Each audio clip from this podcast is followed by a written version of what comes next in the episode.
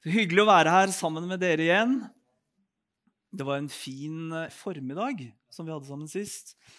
Fantastisk eh, eh, samling. Det blir spennende hva Gud gjør i kveld også. Gud er så fantastisk god. Jeg, jeg tror at Når vi kommer sammen, da, så er, er, det alltid noe friskt. Det er noe som er levende, og det er til forvandling for hver enkelt en av oss. Vi tror Far i himmelen, at det ikke bare blir et vanlig møte, men det blir et møte med Gud, vår far. Det blir et møte med Jesus Kristus, og det blir et møte med Den hellige ånds liv og kraft i våre liv. Så far, jeg ber deg om at du tenker igjennom mine tanker. Jeg ber om at du taler igjennom mine ord. Jeg ber om at du virker igjennom det som gjøres, og at ditt rike vokser i våre liv. I Jesu navn. Amen. Runar han har fylt 60, men jeg har fylt 50. For det er samme dag òg, tror jeg. 5. september. Sånn at da du fylte 60, fylte jeg 50. Så det er mitt jubelår.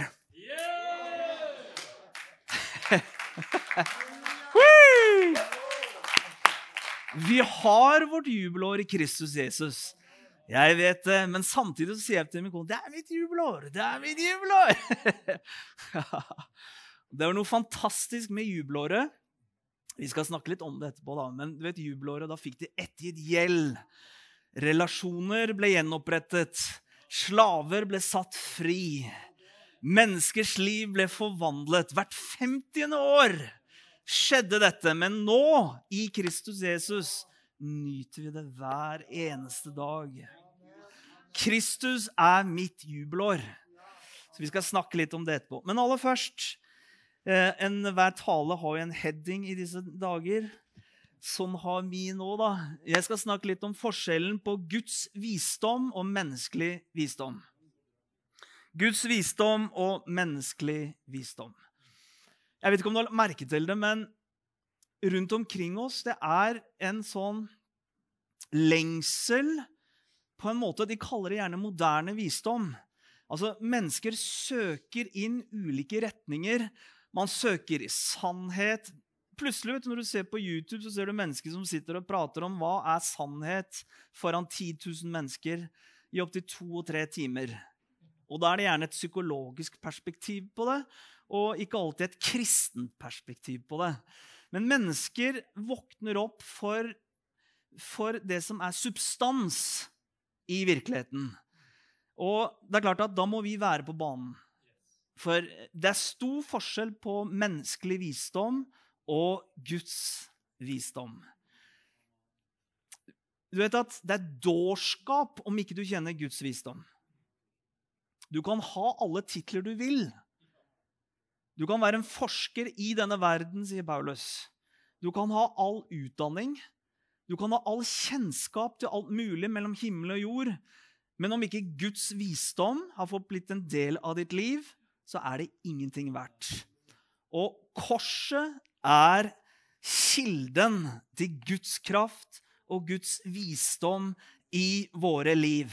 Vel er det en dårskap for den som går fortapt, men for oss som blir frelst, er det en Guds kraft til frelse. Og der det står 'blir frelst', så er det pågående. Ja visst, vi har blitt frelst fra en fortapelse, men frelsen virker i våre liv på daglig basis. Og både Guds kraft og Guds visdom ønsker Jesus skal komme fram inn og gjennom livene våre. Så det holder ikke med teori. Det holder ikke med all utdanning. Selv har jeg gått på universitetet og har en utdanning. Holder, det er ikke verdt noen ting om ikke vi har Guds visdom inn i våre liv. Og den sentrale er Kristus Jesus. Luther sa det slik at Jesus han er både kjernen og han er stjernen. Så når vi leser i Bibelen, så er det Jesus vi leser om. Du kan ha alle mulige slags temaer. Du kan gå inn i alle mulige slags ja, jeg mener, har, Alle har inn, altså noe som er vårt yndlingstema. Men, men, dypest sett så er det personen Jesus Kristus denne boken handler om. Både Det gamle testamentet og Det nye testamentet. Og Jesus har kommet inn i våre liv, og jeg er så takknemlig for at jeg har ham. Og han har brutt igjennom min synd. Han har brutt igjennom mitt opprør. Han har kommet inn i mitt liv. Han har fått lov til å berøre livet mitt. Han har fått lov til å berøre livet ditt. Det er derfor du er her i dag. Om ikke du er født på ny, så kan du bli født på ny i dag. Kan du ta imot Jesus i livet ditt og oppleve frelse? Evig glede, evig fred, deponert på innsiden av ditt indre. Du kan leve et liv med fred på innsiden, kjærlighet på innsiden, med guddommelig glede på innsiden. En glede som veller opp hver eneste dag. Selv om det er vanskelige ting ja visst, som vi møter i våre liv. Utfordringer som tårner seg opp. Men min glede er ikke avhengig av det ytre. Min glede er avhengig av personen Jesus Kristus. Og han har blitt min tro, levende tro som er på innsiden av meg. Hans trofasthet, sier Bibelen, er min skjold og mitt vern. Begynner å preke. Hans trofasthet er skjold og vern. Det er ikke min trofasthet. Hans trofasthet. Jeg kan ikke stole på min trofasthet, for når jeg er troløs, forblir han trofast. Jeg kan komme inn i ting som ikke er helt topp for Gud. Jeg kan gjøre feil. Jeg gjør feil. Men Gud er evig. Gud er en forsonende Gud med en evig, forsonende kjærlighet som strekker seg ut etter deg, som aldri gir deg opp, som er tålmodig, ettergivende, full av liv. Han gir oss aldri opp. Jeg har bare opplevd skal si det en gang til. Han gir deg aldri opp.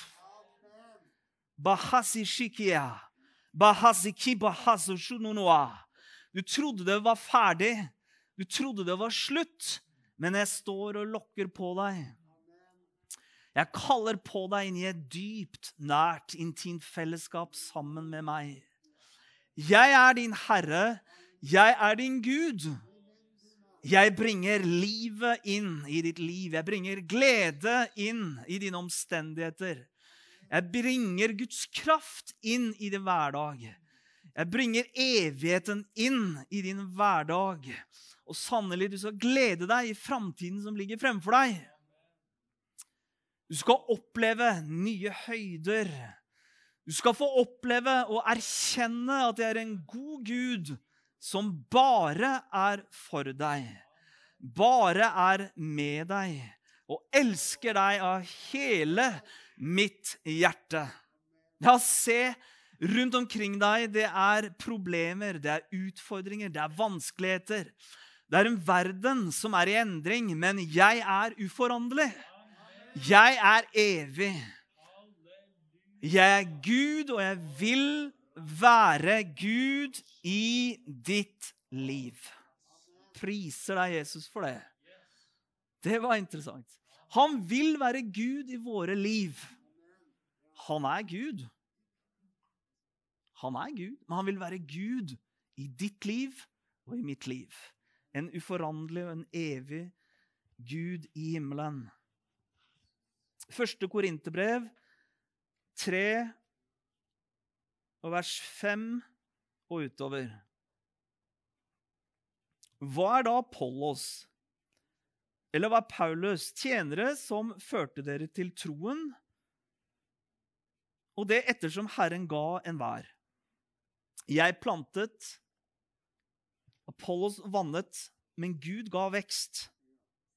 Derfor er de ikke noe, verken den som planter eller den som vanner. Bare Gud som gir vekst. Den som planter og den som vanner, de er ett. Men enhver skal få sin egen lønn etter sitt eget arbeid. For vi er Guds medarbeidere. Dere er Guds åkerland, Guds bygning. Etter den Guds nåde som er gitt meg, har jeg lagt grunnvoll som en vis byggmester. Og en annen bygger videre på den. Men enhver se til hvordan han bygger videre. For ingen kan legge en annen grunnvoll enn den som er lagt. Det er Jesus Kristus. Men om noen på denne grunnvollen bygger med gull, sølv, kostbare stener eller med tre, høy eller strå, da skal det verk enhver har utført, bli åpenbart. Dagen skal vise det, for den åpenbares med ild, hvordan det verket er som hver enkelt har utført. Det skal ilden prøve. Ok, Paulus han underviser så tydelig de første tre kapitlene i første Korinterbrev om forskjellen på det som er Guds visdom, og det som er menneskelig visdom.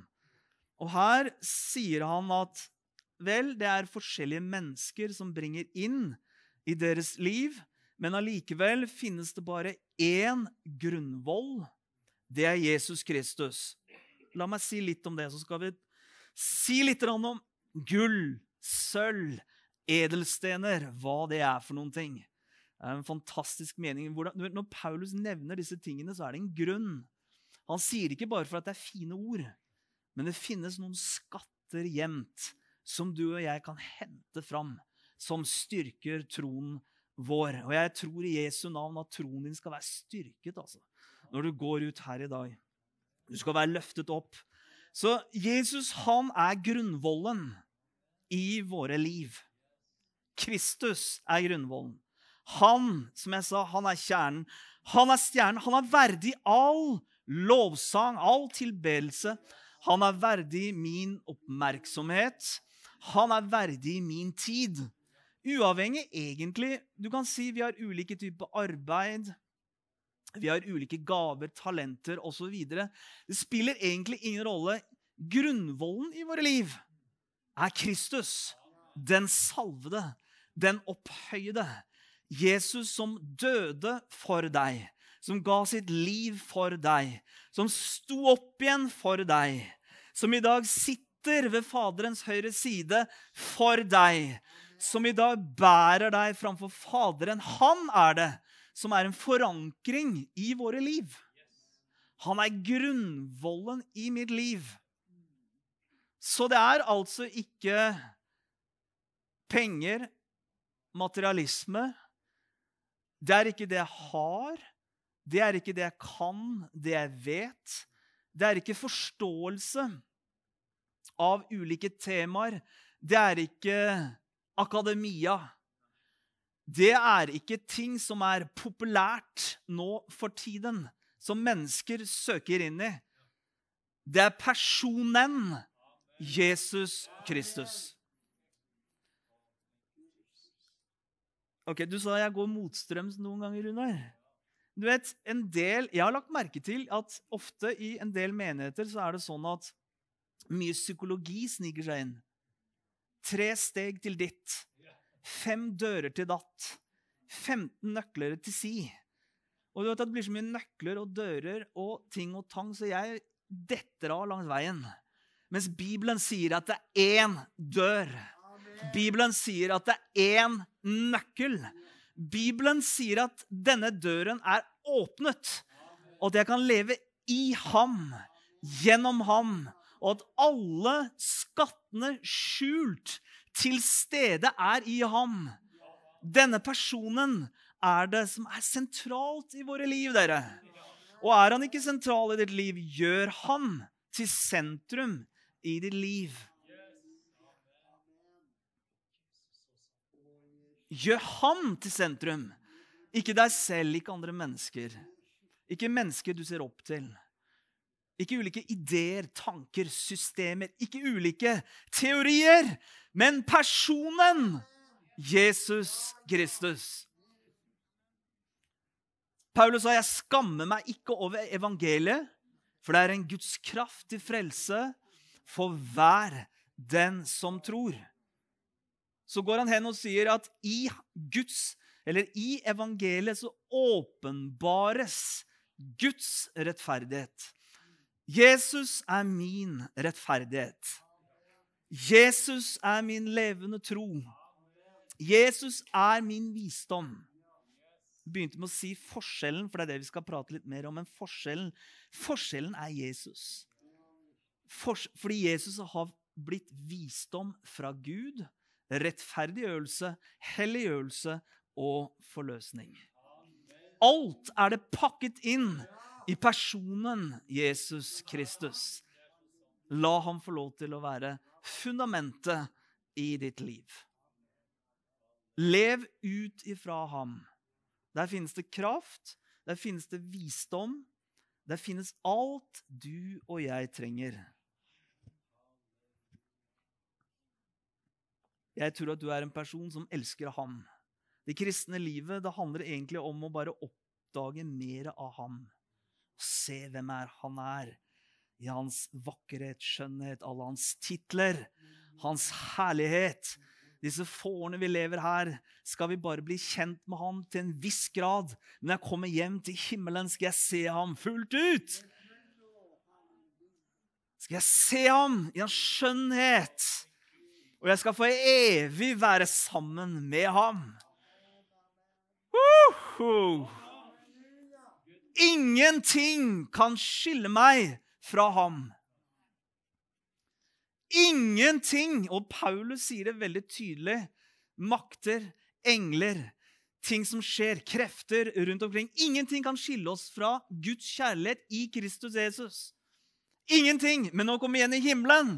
Så kan vi se han øye for øye. Da kan vi ta og klemme ham. Da kan vi være sammen med ham. Da kan vi høre ham. Alt det vi ikke forstår her, skal komme fram i lyset der hjemme. Og Nå skal vi ikke snakke om himmelen, altså, men vi er Himmelen er reell. Himmelen er reell. Og de få årene vi lever her, se til altså at vi lever de til maks for ham. En 80-90-100 år. Og så går vi bare rett hjem, og så har vi hele evigheten foran oss. Så grunnvollen i ditt liv, det er Jesus. Ok? Og så sier han Det kommer ulike mennesker. Han snakker om Apollos, han snakker om ulike mennesker som kommer og vanner. Med andre ord, også menigheten bygges opp. Og så sier han, så da, se da til hvordan dere bygger videre. Så nevner han gull, og så nevner han sølv, og så nevner han edelstener. Han ønsker at vi med våre liv skal bygge på gull. Dere, gull, det står, og det symboliserer for det guddommelige. Gull. Når du leser i Bibelen, det står for det guddommelige, det evige, det som aldri forsvinner. Det som alltid er der. Det uforanderlige. Det er det det symboliserer. Du vet at eh, paktkisten, alt det i den symboliserer Jesus Kristus. Var egentlig, den var jo bygd av kasietre, som representerer Jesu menneskelighet. Men den var forgylt med gull. Det guddommelige. Ditt liv, selv om du er menneske, husk på det, i din ånd, det er forgylt med det guddommelige, med det evige. Ved Den hellige ånd har Gud tatt bolig på innsiden av deg. Det uforanderlige er på innsiden av deg. Vi kan stole på ham dere fullt ut. Paulus sier, 'Se til hvordan dere bygger'. Den uforanderlige, inviter ham inn i ditt liv. Det guddommelige, inviter det inn i ditt liv. Han tvinger seg ikke på deg og meg. Den hellige ånd er der og lokker og drar deg, spør deg. Demoner tvinger deg. Onde ånder er der for å pushe deg og trykke deg ned. Djevelen er sånn. Han er en løgner, han er en bedrager. Han vil stjele, myrde, ødelegge. Men der Jesus er, der er liv. Der er liv i overflod. Og Det er derfor Jesus sier, vet du hva, by, by, eller Paulus sier, bygg på gull i ditt liv. Ha det, utvikle det som er av Gud i livet ditt. F.eks. når du leser Bibelen, vær bevisst hvem Gud er. Bli kjent mere. Med fars kjærlighet og hvem far er. Disse evige skattene som ligger der. Bli kjent med det. Bring det inn i ditt liv. Gull. Et edelt metall. Habrushente. Babazishte. Jeg skal si Det er ikke noe sånn smågreier der. Nei, gull! Det er en rikdom der. Han sier det, dette her skal du bygge ditt liv på. Hvis du går innom tempelet, ser du gjenstand etter gjenstand var av gull. Alt taler det om at vi har en Gud i himmelen som lengter etter fellesskap med sitt folk. Det var hans plan fra dag én. Han hadde bare én sønn, men han investerte sin sønn, og han fikk deg og meg. Han fikk en hel familie. Han lengter etter å være sammen med deg. Han lengter etter et fellesskap der, der han kan formidle sin godhet, sin kjærlighet, sin varme, sin, sin, sin, og han lengsel etter å være sammen med deg. Paulus sier, 'Bygg på dette i ditt liv'. Bygg på dette i ditt liv. Det er visdom. Det er visdom. Når du sentrerer dette inn i livet ditt, og du gir det eh, oppmerksomhet. Det er så mye å si om det, men studer det for deg selv. Gullets betydning. Alt ved gullet symboliserer en fantastisk god Gud som elsker oss. Så sier han sølv. Sølv er et edelt metall som ble brukt for betaling. Husker dere den historien om tempelskatten? Han kom til Jesus og sa, hva skal vi gjøre med dette her? Og han sier ja, vel, gi hva det som Cæsar skal ha. Men, eh, trekk opp en fisk, og så er det en sølvmynt inni den første fisken du får opp. Og forløsningen Du kan se at alt det du leser i den gamle pakt, det er historier som symboliserer forløsningen. Forløsning. Korset var et sted for en evig betaling. Jesus Vi skal se på noen skriftsteder, ikke så mange, men noen par stykker. Han var altså en løsepenge, sier Bibelen. Han, han, var, han, han var substansen som måtte til for at du og jeg skulle kjøpes ut av et evig mørke. Vi var evig fortapt. Vi var i et evig mørke. Vi kunne ikke hjelpe oss selv. Det var derfor vi måtte ha en frelser. Og Jesus var løsepengen som forløste oss ut av dette gamle livet. Takk, Jesus. Du trenger ikke å betale ned på det som har vært din fortid. Jeg bare hører Den hellige ånd si det. Nedbetalingen er et faktum. Den er ferdig. Betalingen skjedde for over 2000 år siden. Du kan aldri betale ved å ha en dårlig samvittighet. Gå inn i diskusjoner med Gud. Gjøre ulike typer gjerninger, religiøse gjerninger osv. Både kristne og ikke-kristne havner inn her sånn. Og man betaler og betaler og betaler. Hva tror du selvskading er? Selvskading er egentlig ingen annen, det er ikke noe annet enn det at du skal betale tilbake igjen. Du har en skyldfølelse. Det er ting på innsiden som roper 'man har ikke fred med Gud'. Betalingen er et faktum. Og det er ikke bare en betaling, det er en overbetaling den er så til de grader betalt. Og hvis gjelden er betalt, så er det dumt å fortsette å betale på gjelden. Ærlig talt, hvis du ikke har gjeld i banken For Guds skyld, slutt da å betale inn mer til banken. Det finnes en himmelsk bank der oppe med Gud Faderen, Gud Sønnen og Gud den hellige ånd. Der Gud Faderen sier, 'Vet du hva, betalingen har jeg sendt'. Jesus Kristus er et faktum i ditt liv. Den hellige ånd vitner på innsiden og sier, 'Det er ferdig. Det er betalt. Slutt å betale.' Ja, men jeg har gjort. Jeg har tenkt. Mine barn. Jeg har ikke vært en god nok pappa. Jeg har ikke vært flink nok.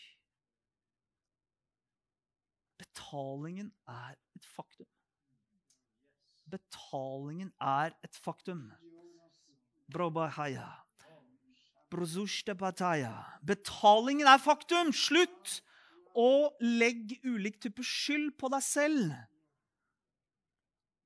Du tror at det er fromt, du tror at det hjelper, og du prøver på en eller annen måte å hjelpe Gud. Men Gud har sagt at betalingen, den er klar. Efeserbrevet 1,7. Jeg prøver virkelig å holde meg i skinnet her, så bare sånn at du vet det. I ham har vi forløsningen. Ved hans nåde, eller ved hans blod, unnskyld. Syndenes forlatelse etter hans nådes rikdom. Denne nåde har han gitt oss i rikt mål med all visdom og forstand.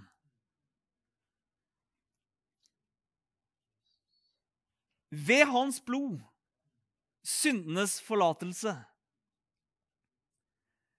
Jesus ga sitt eget blod, som er evig, som er fullkomment, som er rent.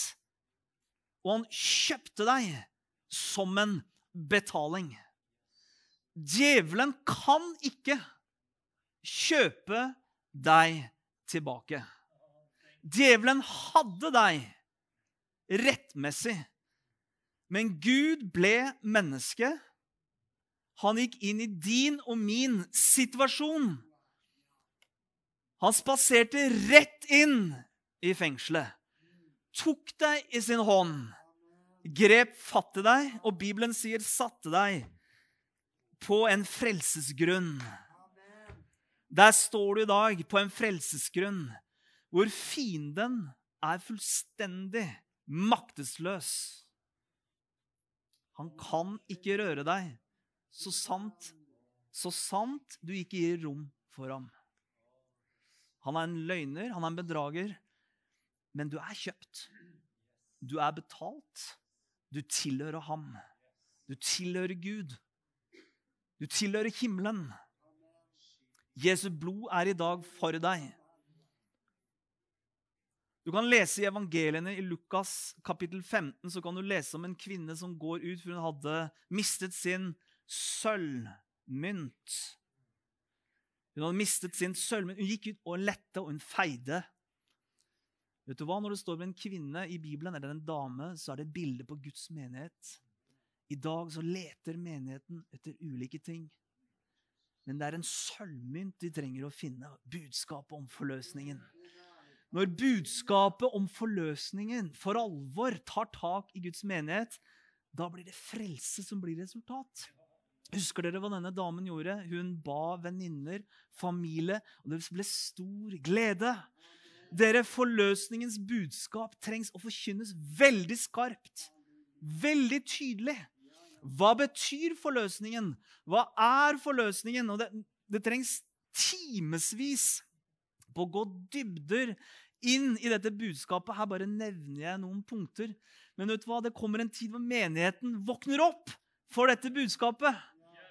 Vi kaller gjerne det gamle, gode budskapet. Det er mange navn på det, men forløsningen, det er det Bibelen handler om. Israelsfolket ble forløst ut av Egypt. Husker dere de spiste lammet innenfor dørene? Blodet var på dørene. De var trygge. Og de spaserte ut. Det hadde vært i et fangenskap i godt over 400 år. Det fantes ikke én syk iblant dem. Egypterne kastet gull og sølv etter dem.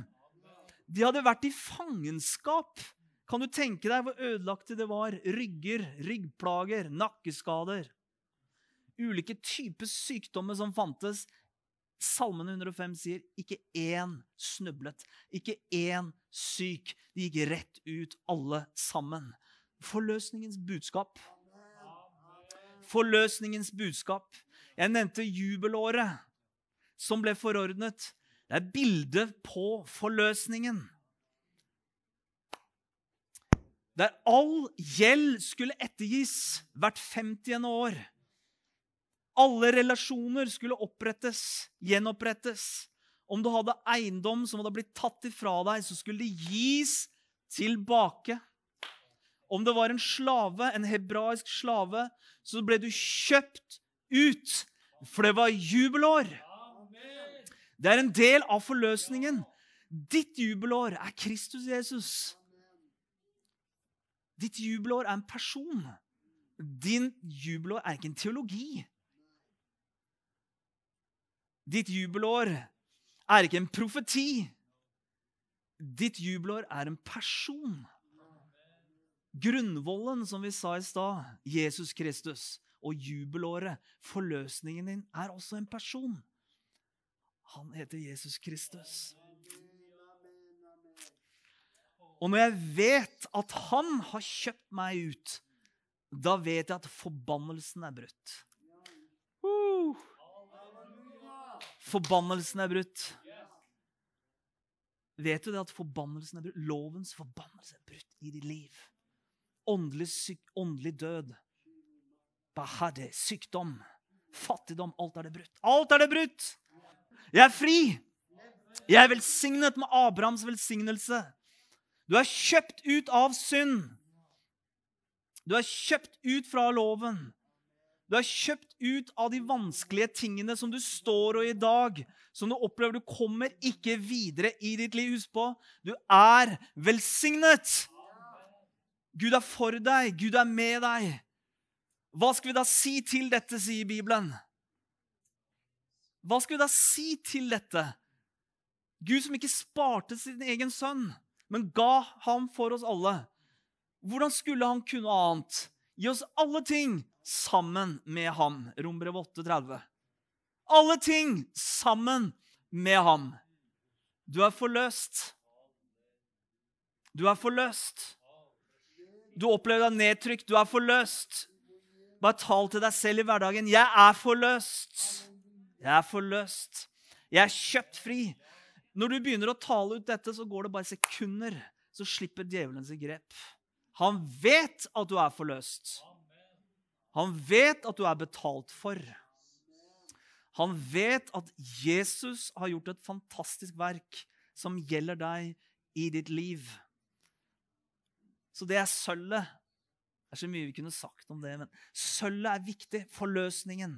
Bygg ditt liv på forløsningen i Jesus Kristus. Det er guddommelig visdom. For det er det som er konteksten her i det vi leser om. Guddommelig visdom kontra menneskelig visdom. Paulus sier videre, 'Bedra ikke deg selv', sier han når du leser videre. Med andre ord, du kan leve i et bedrag. Men dette er visdom. Legen sier kanskje noe annet. Mennesker rundt deg sier kanskje noe annet. Banken sier kanskje noe annet. Autoritetspersoner sier kanskje noe annet. Men dette er visdom. Så var det edelstener. Jesaja 54. Det her er veldig bra. så det her, det her må jeg dele med deg. Jesaja 54. Jeg slåss litt her nå med hvordan jeg skal gjøre det. Men se her. Jesaja 54. Fra vers 12. Dine murtinder gjør jeg rubiner. Dine porter av karfunkel, karfunkelsteiner. Og hele din ringmur dyre steiner. Alle dine barn Hør på dette. Alle dine barn skal være lært av Æren. Paulus sa, 'Bygg ditt liv', og det var bra. Bygg ditt, bygg ditt, liv på gull, sølv og edelstener. Bibelen beskriver Bibelen. Skrift forklarer Skrift. La oss se her nå. Se på løftene ut fra dette her. Ved rettferdighet skal du bli grunnfestet. Vær langt fra angst, for du skal ikke ha noe å frykte. og fra redsel, for den skal ikke komme nær til deg. Se vers 17. Ingen av de våpen som blir smidd mot deg, skal ha framgang. Og hver tunge som går i rette med deg, skal du få domfelt. Dette er arven til Herrens tjenere. Og dens rettferdighet er fra meg, sier Herren. Vi snakker om edelstener. Vakre edelstener. Det første løftet som Paulus kom med, er dine barn, alle dine barn skal være lært av Herren. Paulus sier, 'Bygg, bygg, bygg på dette', sier han. Vær bevisst alle dine barn skal være lært av Herren. Kanskje opplever du i dag at eldstesønn eller yngstemann eller opplever at de går bort fra det som er viktig for deg, og det du tror på.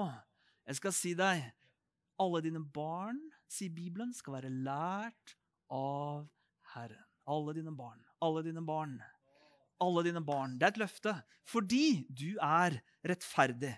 Bibelen sier du skal ikke frykte. Du skal ikke frykte.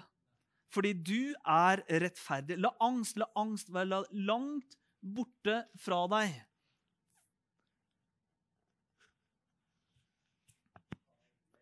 Du skal ikke frykte.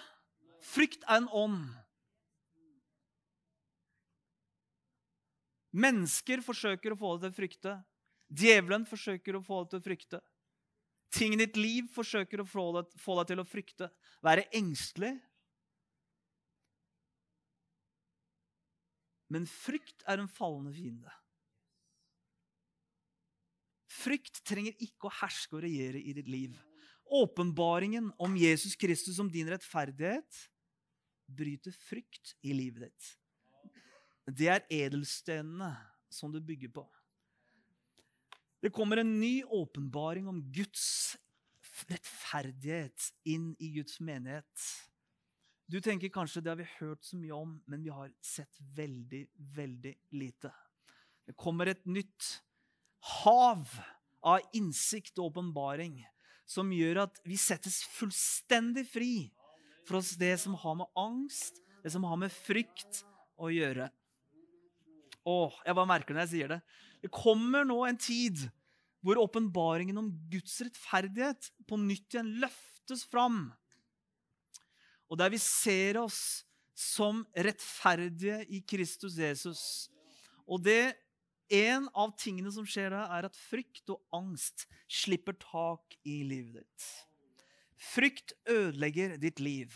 Frykt bringer sykdommer inn i våre liv.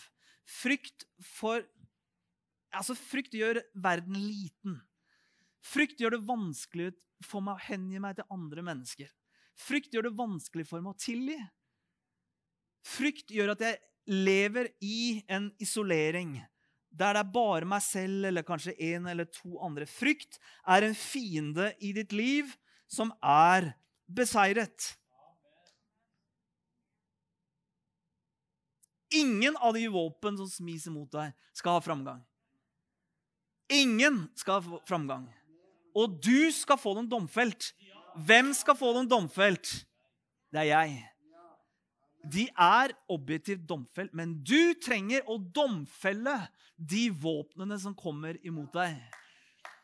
Det er disse stenene som Paulus han sier, gode, han sier vakre stener. sier han. Precious stone, som Runar sier. Disse edelstenene, det er disse tingene her. Vissheten om at alt er beseiret. Det skal ikke skade deg. For litt siden så, så minnet Den hellige ånd meg til å gå inn og studere forordningene om, eh, om påskelammet. Det er et hav av der som, som er verdt å bare gå inn i.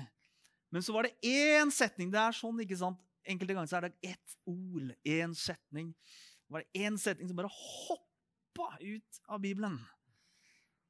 Og det, denne, det, er denne setningen hvor det står at det, fantes ikke ett sted i Egypt der det ikke var en død.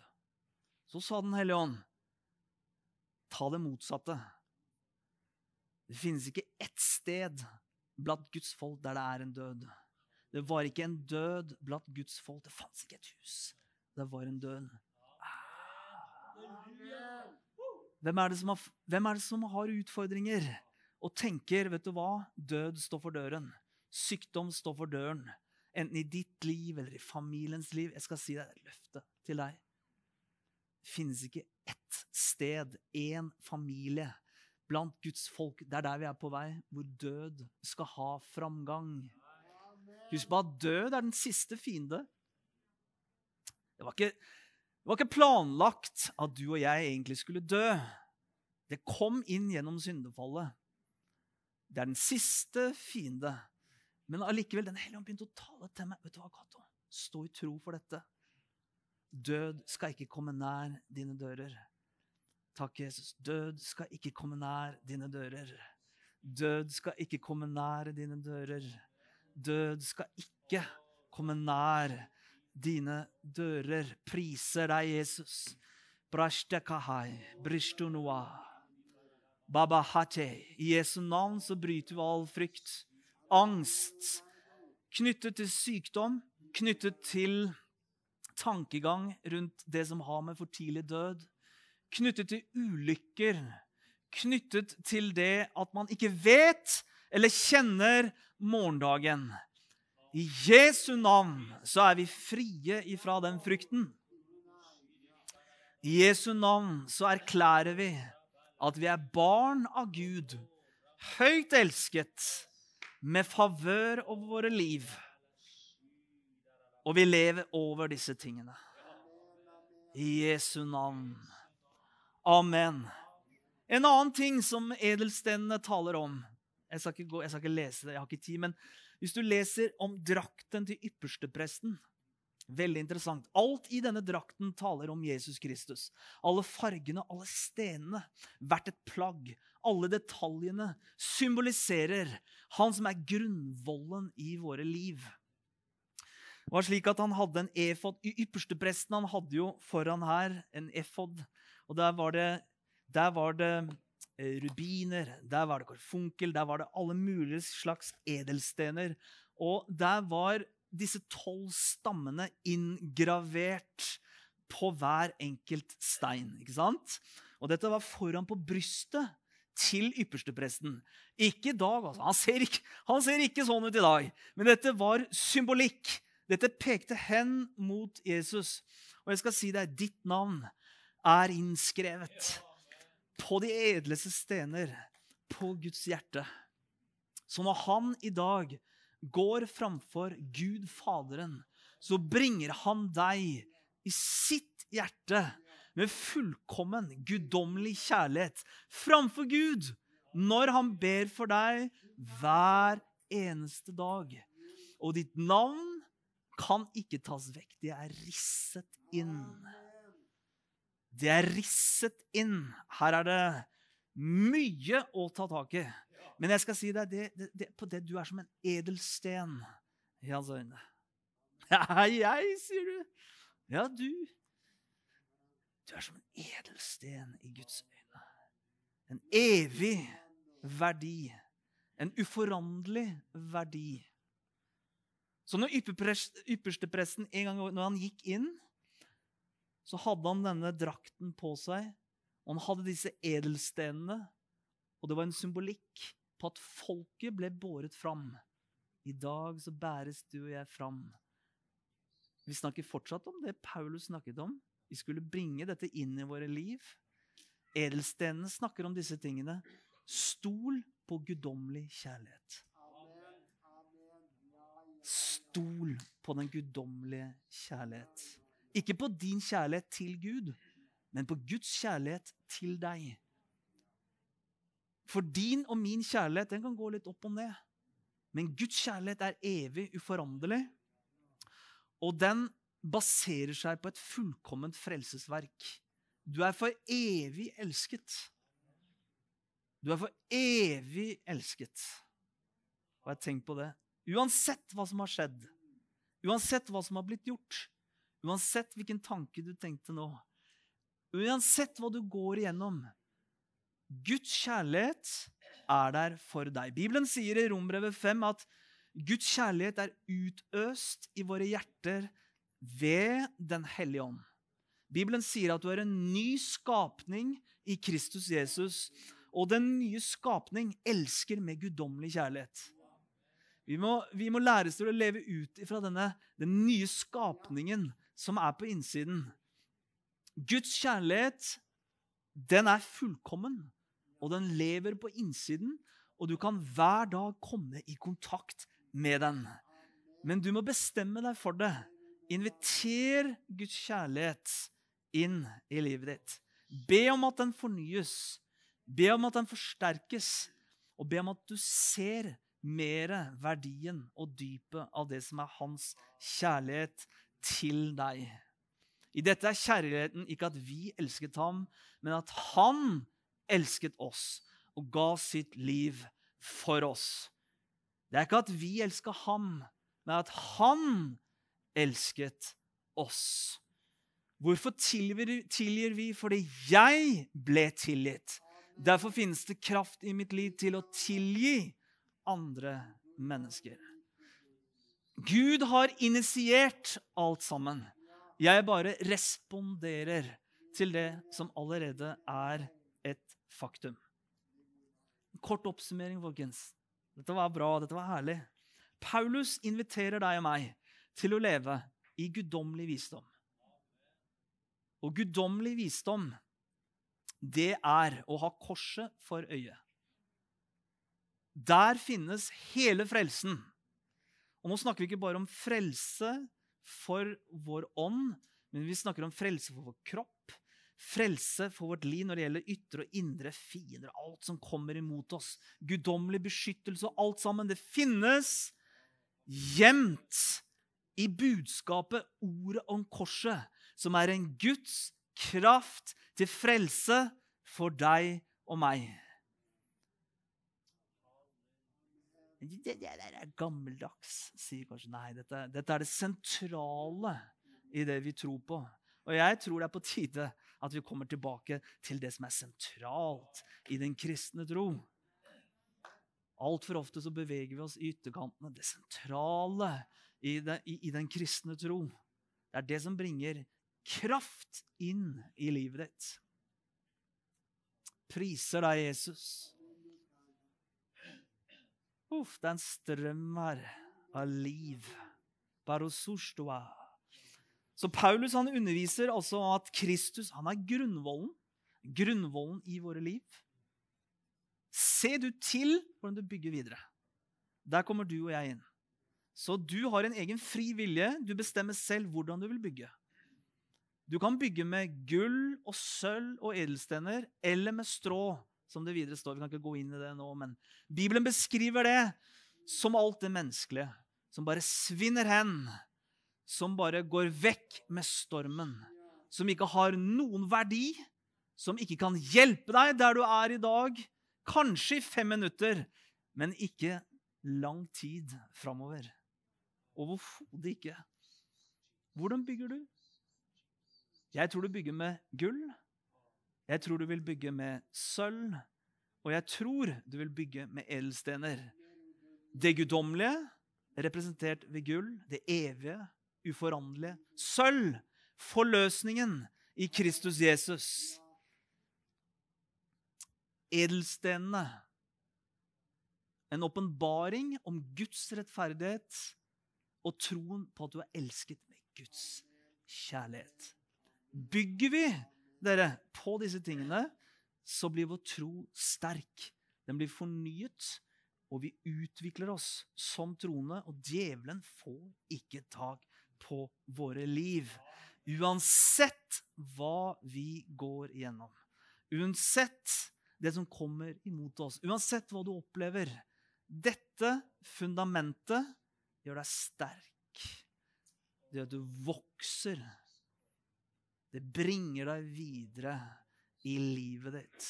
Og Bibelen snakker om en prøvetro. Gull er også representert Det, vet, det, er, det står om i 1. Peter det er en prøvetro. Mange mennesker i dag går gjennom røffe ting, og alle vi som har levd, vi vet at det er røffe ting. Livet kan være brutalt. Livet kan være vanskelig, livet kan være urettferdig. Og Hvor ofte treffer du ikke på kristne som har bitterhet i livene sine? Du har merket i det Du vet at før var det bare liv og glede. Det var, det var noe på innsiden som kom fram av, av, av, av fred, og, og, og, det var noe godt. Men så plutselig merker du bitterhet, skuffelse.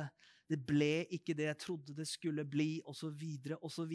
Jesu navn, bryt den historien over ditt liv. Bryt den historien over ditt liv. Si ja til den historien som Gud har for deg. En ny historie. Og den historien lever du i Kristus Jesus. En ny historie som leves i og gjennom Jesus Kristus. For du lever nemlig ikke av deg selv. Han lever på innsiden av deg. Han ønsker å komme gjennom deg. Han ønsker å tale til deg og gjennom deg. Våre liv er skjult med Kristus i Gud.